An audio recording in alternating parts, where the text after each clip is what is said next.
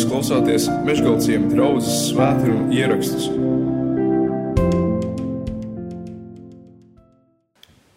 Kā jau es teicu pirms brīža, tad eh, pēc definīcijas viens cilvēks, kuru var saukt par bērnu, tas ir bērns, kurš ir zaudējis vienu vai abus vecākus. Bet eh, šis pats avots, no kuras lasīju šo definīciju, dod vēl otru nozīmi šim vārdam bārenes. Un eh, par bāreņiem var saukt arī apspiestos un eksploatētos cilvēkus. Tātad šaurā nozīmē bārenes ir bērns bez vecāku apgādības. Bet plašākā nozīmē tie ir visi apbēdinātie visi neaizsargātie. Būtībā tie ir tie, par kuriem Jēzus saka, nāciet pie manis. Visi, kas esat bēdīgi un grūtsirdīgi, es jūs gribu atvieglināt.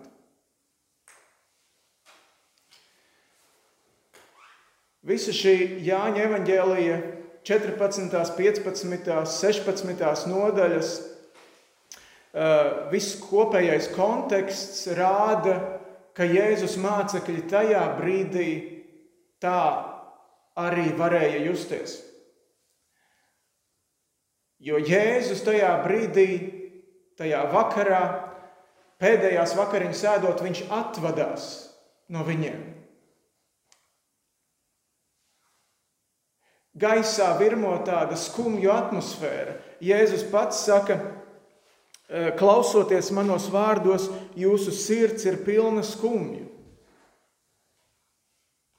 Tāpēc, ka tā Jēzus drošā klātbūtne, ko viņi ir pēdējos gados visi kopā baudījuši, tā drīz būs projām.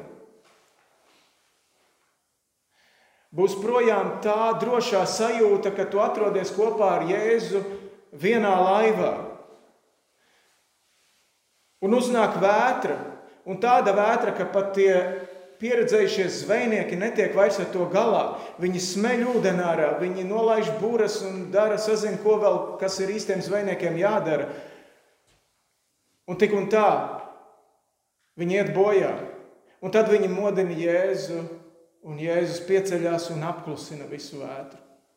Šī drošība tagad no viņiem būs paņemta nost. Būs paņemta nost tā drošā Jēzus platā mugurā, aiz kuras viņi varēja aizslēgties tad, kad viņi nonāca tajā vientuļajā ceļā, kur nāca pretī tie divi trakie demoni apsēstie. Un viss atmosfēra liecināja par to, ka tūlītās varētu notikt kaut kas ļoti briesmīgs, kāds slaktiņš tajā brīdī. Jēzus viņu vietā ar to tika galā. Dēmoni tika izdzīti, cūkas nogāzās no kraujas zemē.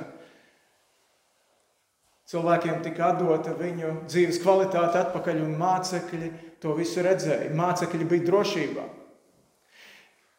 Mācekļi bija drošībā arī tad, kad farizēji nāca un viņiem pārmeta, kāpēc jūs dzīvojat tā, kāpēc jūs darat tā, kāpēc jūs mācītājs dara tā. Tad, kad viņi nezināja, varbūt, ko tiem farizējiem atbildēt, tad Jēzus nostājās viņu priekšā un viņus aizstāvēja. Tagad šī Jēzus drošā klātbūtne drīz tiks paņemta prom. Kā tagad tālāk dzīvot?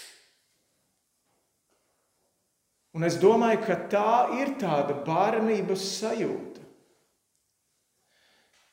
Ka tagad man pašam būs ar saviem elkoņiem jāsitās cauri dzīvei.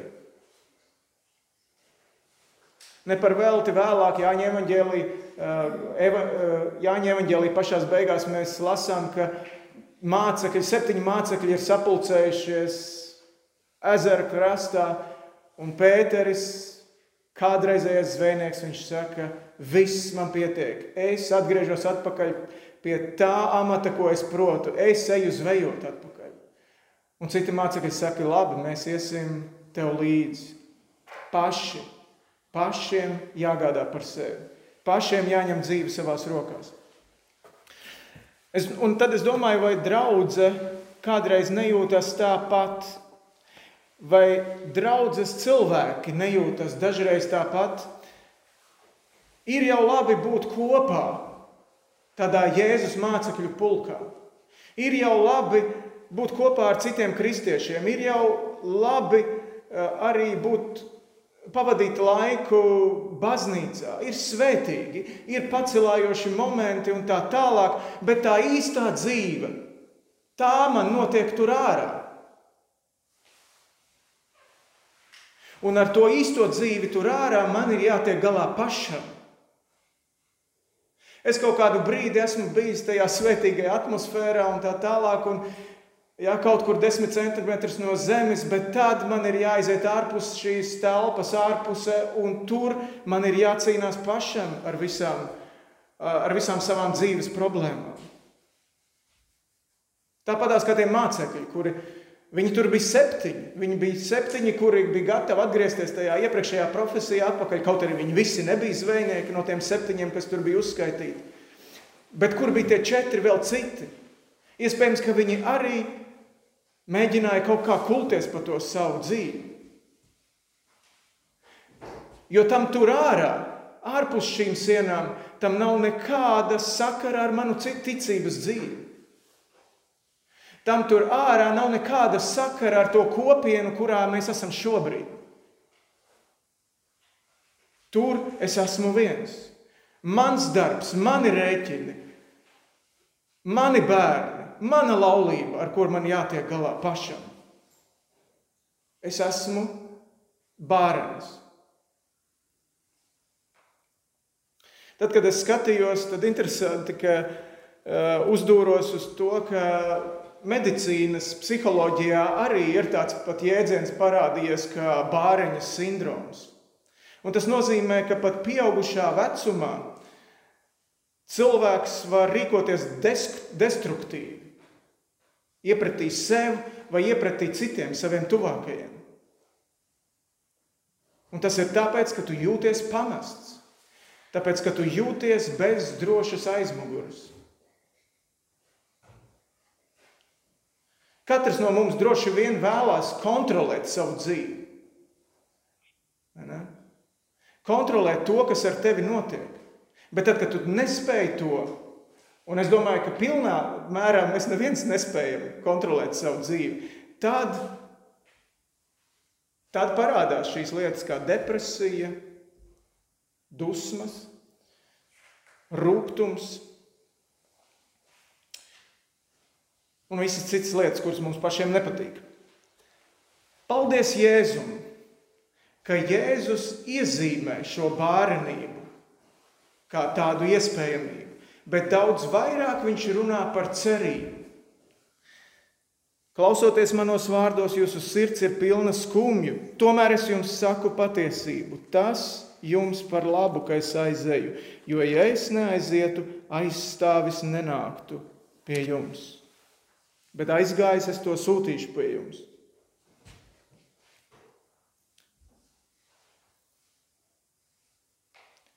Es jūs neatstāšu bāreņus, bet nākšu pie jums. Vēl tikai mazu brīdi, un pasaule manis vairs neredzēs, bet jūs mani redzēsiet, jo es dzīvoju, un jums būs dzīvot. Es esmu nācis, lai jums būtu dzīvība un dzīvības pārpilnība, ja es saku kādā citā vietā. Nevis vienkārši eksistence.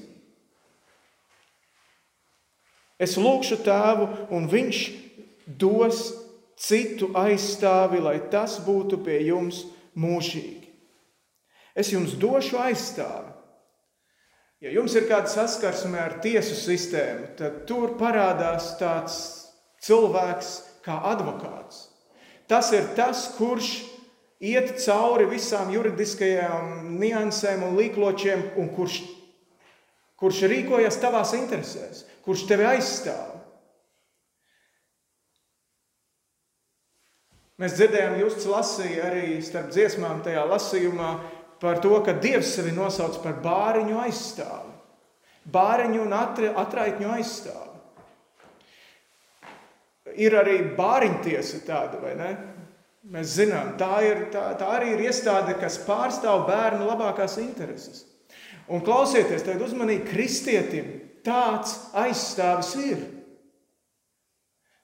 Tev, ja tu esi kristietis, ja tu esi dievbērns, tad tev šāds aizstāvis ir.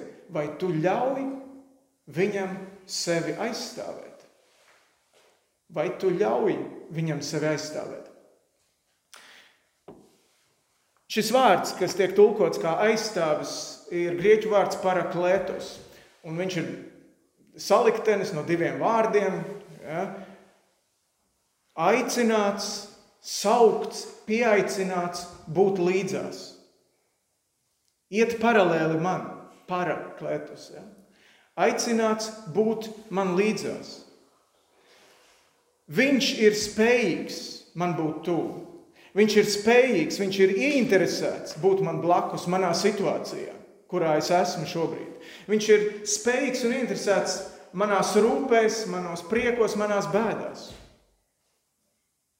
Viņš pat mājo mūsos. Šeit Jēzus to saka. Ja?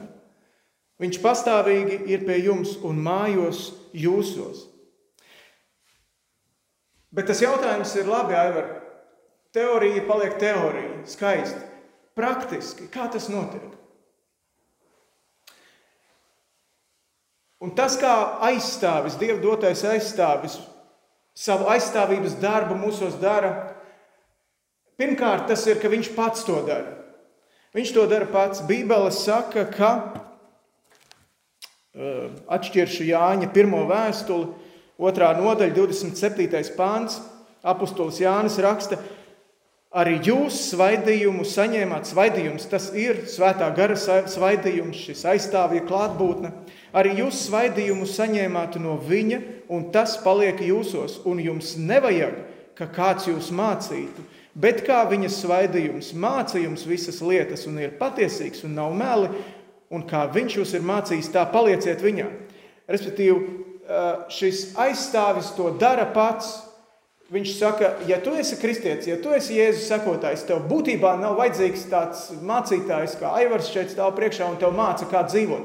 Tev ir svaidījums, tev ir aizstāvis, kurš tev personīgi var mācīt, kā tavā dzīves situācijā rīkoties, ko un kā darīt. Bet otra lieta, ko Bībele ļoti skaidri arī iezīmē un parāda, ka šis aizstāvis daudzas lietas dara caur citiem caur citiem taviem brāļiem un māsām draudzēm. Un šī ir tā kultūra, kur es vēlētos, un es domāju, ka mēs visi vēlētos redzēt mežgalciem draudzē. Ka katrs no mums pirmkārt ir ciešās attiecībās ar Dievu. Caur lūkšanu, caur Bībeles lasīšanu, ka tev ir kontakts pat taisno ar tavu aizstāvi, ar tavu Dievu, ar tavu glābēju, ar tavu radītāju. Tā ir pirmā lieta, bet tā otrā lieta ir, ka mēs arī uzticamies viens otram, ka mums ir attiecības savā starpā, ka mums ir attiecības citam ar citu, caur kurām arī Dieva svētais gars var lielas lietas cilvēku dzīvēs darīt. Es vienkārši paņēmu intereses pēc un izras, izlas, izrakstīju daļu no tām jaunās derības pavēlēm, eh, kur ir runa eh, kā dzīvot citam ar citu. Un tā ir tikai daļa. Ja?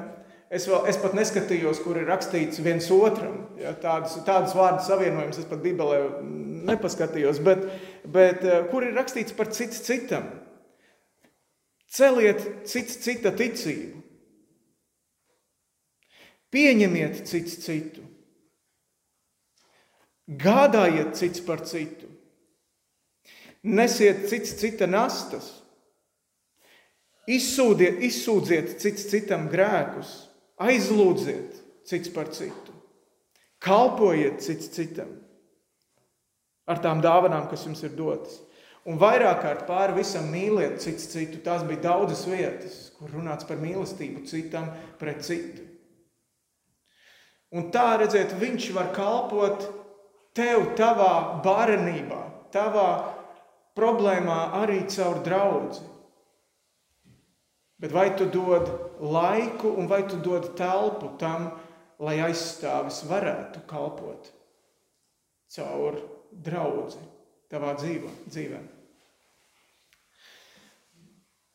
Vārds bārenis jaunajā derībā ir uh, minēts vispār tikai divas reizes. Tā viena bija tā, ko mēs tikko izlasījām, bet tā otra vieta ir Jēkaba vēstulē.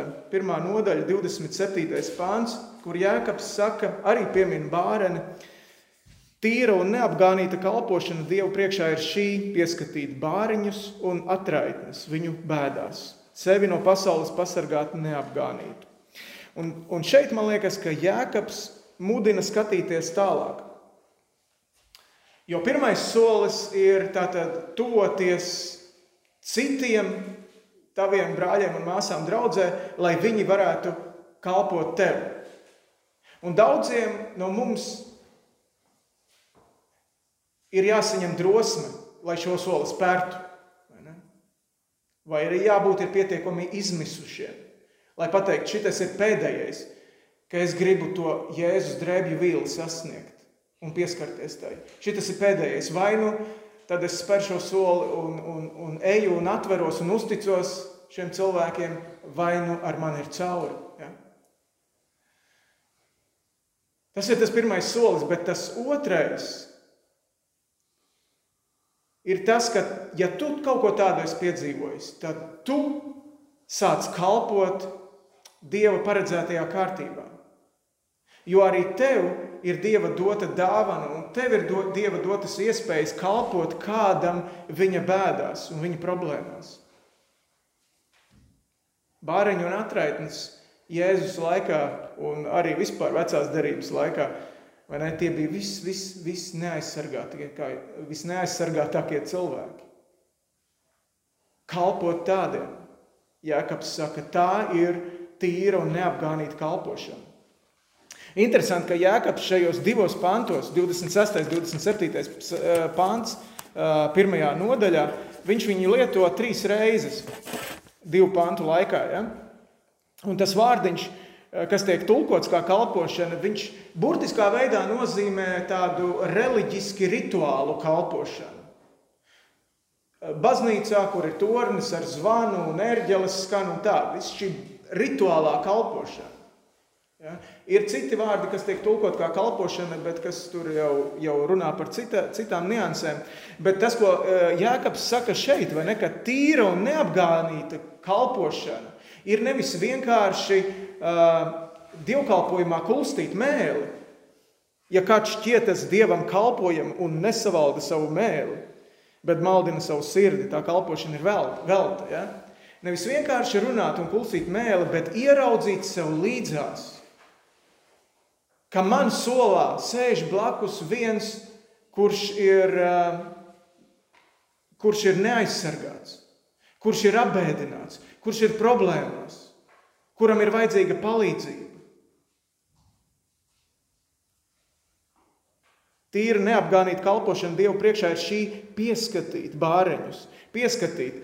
Eh, citur, citos tulkojumos skatījos, ka viņš, viņš tiek tulkots tas vārds kā apmeklēt, ja? aiziet ciemos.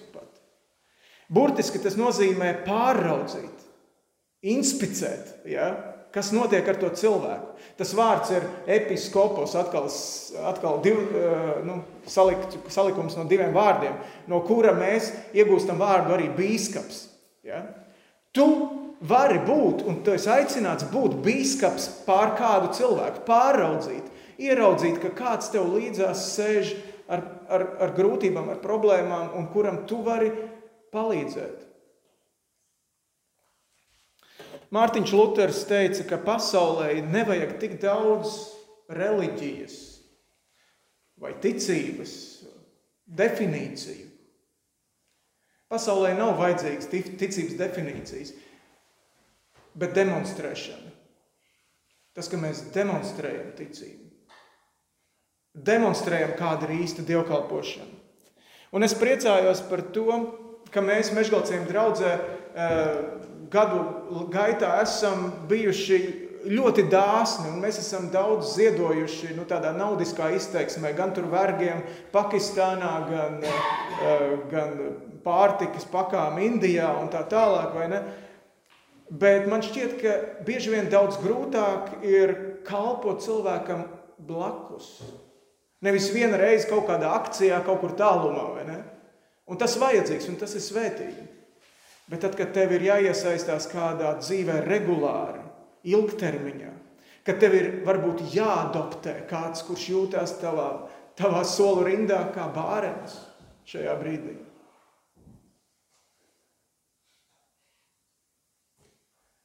Bet šādai rīcībai pieder Dieva apsolījums, ko Jēzus teica, ko jūs esat vienam no šiem vismazākajiem darījuši.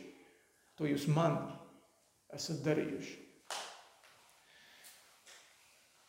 Apkopojot visu šo domu, gribu teikt, ka, ja tu jūties kā bērns, tad tev ir jāapzinās, ka tev ir aizstāvis. Ja tev ir Jēzus, tad tev ir aizstāvis. Ja tev nav Jēzus, tad ir jāsaka ar to. Bet, ja tev ir Jēzus, tad ļauj viņam darīt savu darbu. Un viņš to dara divējādi. Viņš to dara pats kādreiz ļoti brīnumainā veidā, tieši pa taisno tev, tavā sirdī, tavā prātā, tavā situācijā, atbildot uz tavu lūgšanu, bet viņš tikpat ļoti labprāt to darītu arī caur savu draugu, caur savu miesu, ko viņš ir atstājis šeit, šajā pasaulē. Ļauj citiem zināt, ka tev ir grūti. Ļauj citiem pienākt tev tuvu. Ļauj citiem tev kalpot. Un tad, kad tu būsi ļāvis sev kalpot, tad tev būs iespēja noteikti arī sākt kalpot pašam. Jo tev noteikti ir dāvana no Dieva dota, kuru tu vari lietot kāda cita cilvēka dzīvē. Vai tev būs laiks priekš tā? Lūksim Dievu. Mīļais Dievs, mēs Tev pateicamies, ka Tavs dievišķais spēks mums jau ir dāvinājis visu, kas ir vajadzīgs dzīvībai un dievbijībai. Es lūdzu, ka Tu māci mums uzticēties Tev, ne saviem elkoņiem, ar kuriem mums vairāk jāmēģina cauri dzīvei kulties. Māci mums vairāk uzticēties cits citam, vairāk uzticēties saviem brāļiem un māsām. Un es lūdzu, lai tu audzini mūsu draugu tā, lai mēs patiešām varam būt tāda vieta, eh, kur cilvēki var atvērties, kur cilvēki var sākt uzticēties. Lai mēs šeit varētu būt tā vieta, kur aizstāvis Dieva dotais aizstāvis var darīt savus brīnumus cilvēku dzīvēs. To mēs no sirds Jēzus vārdā lūdzam. Amen.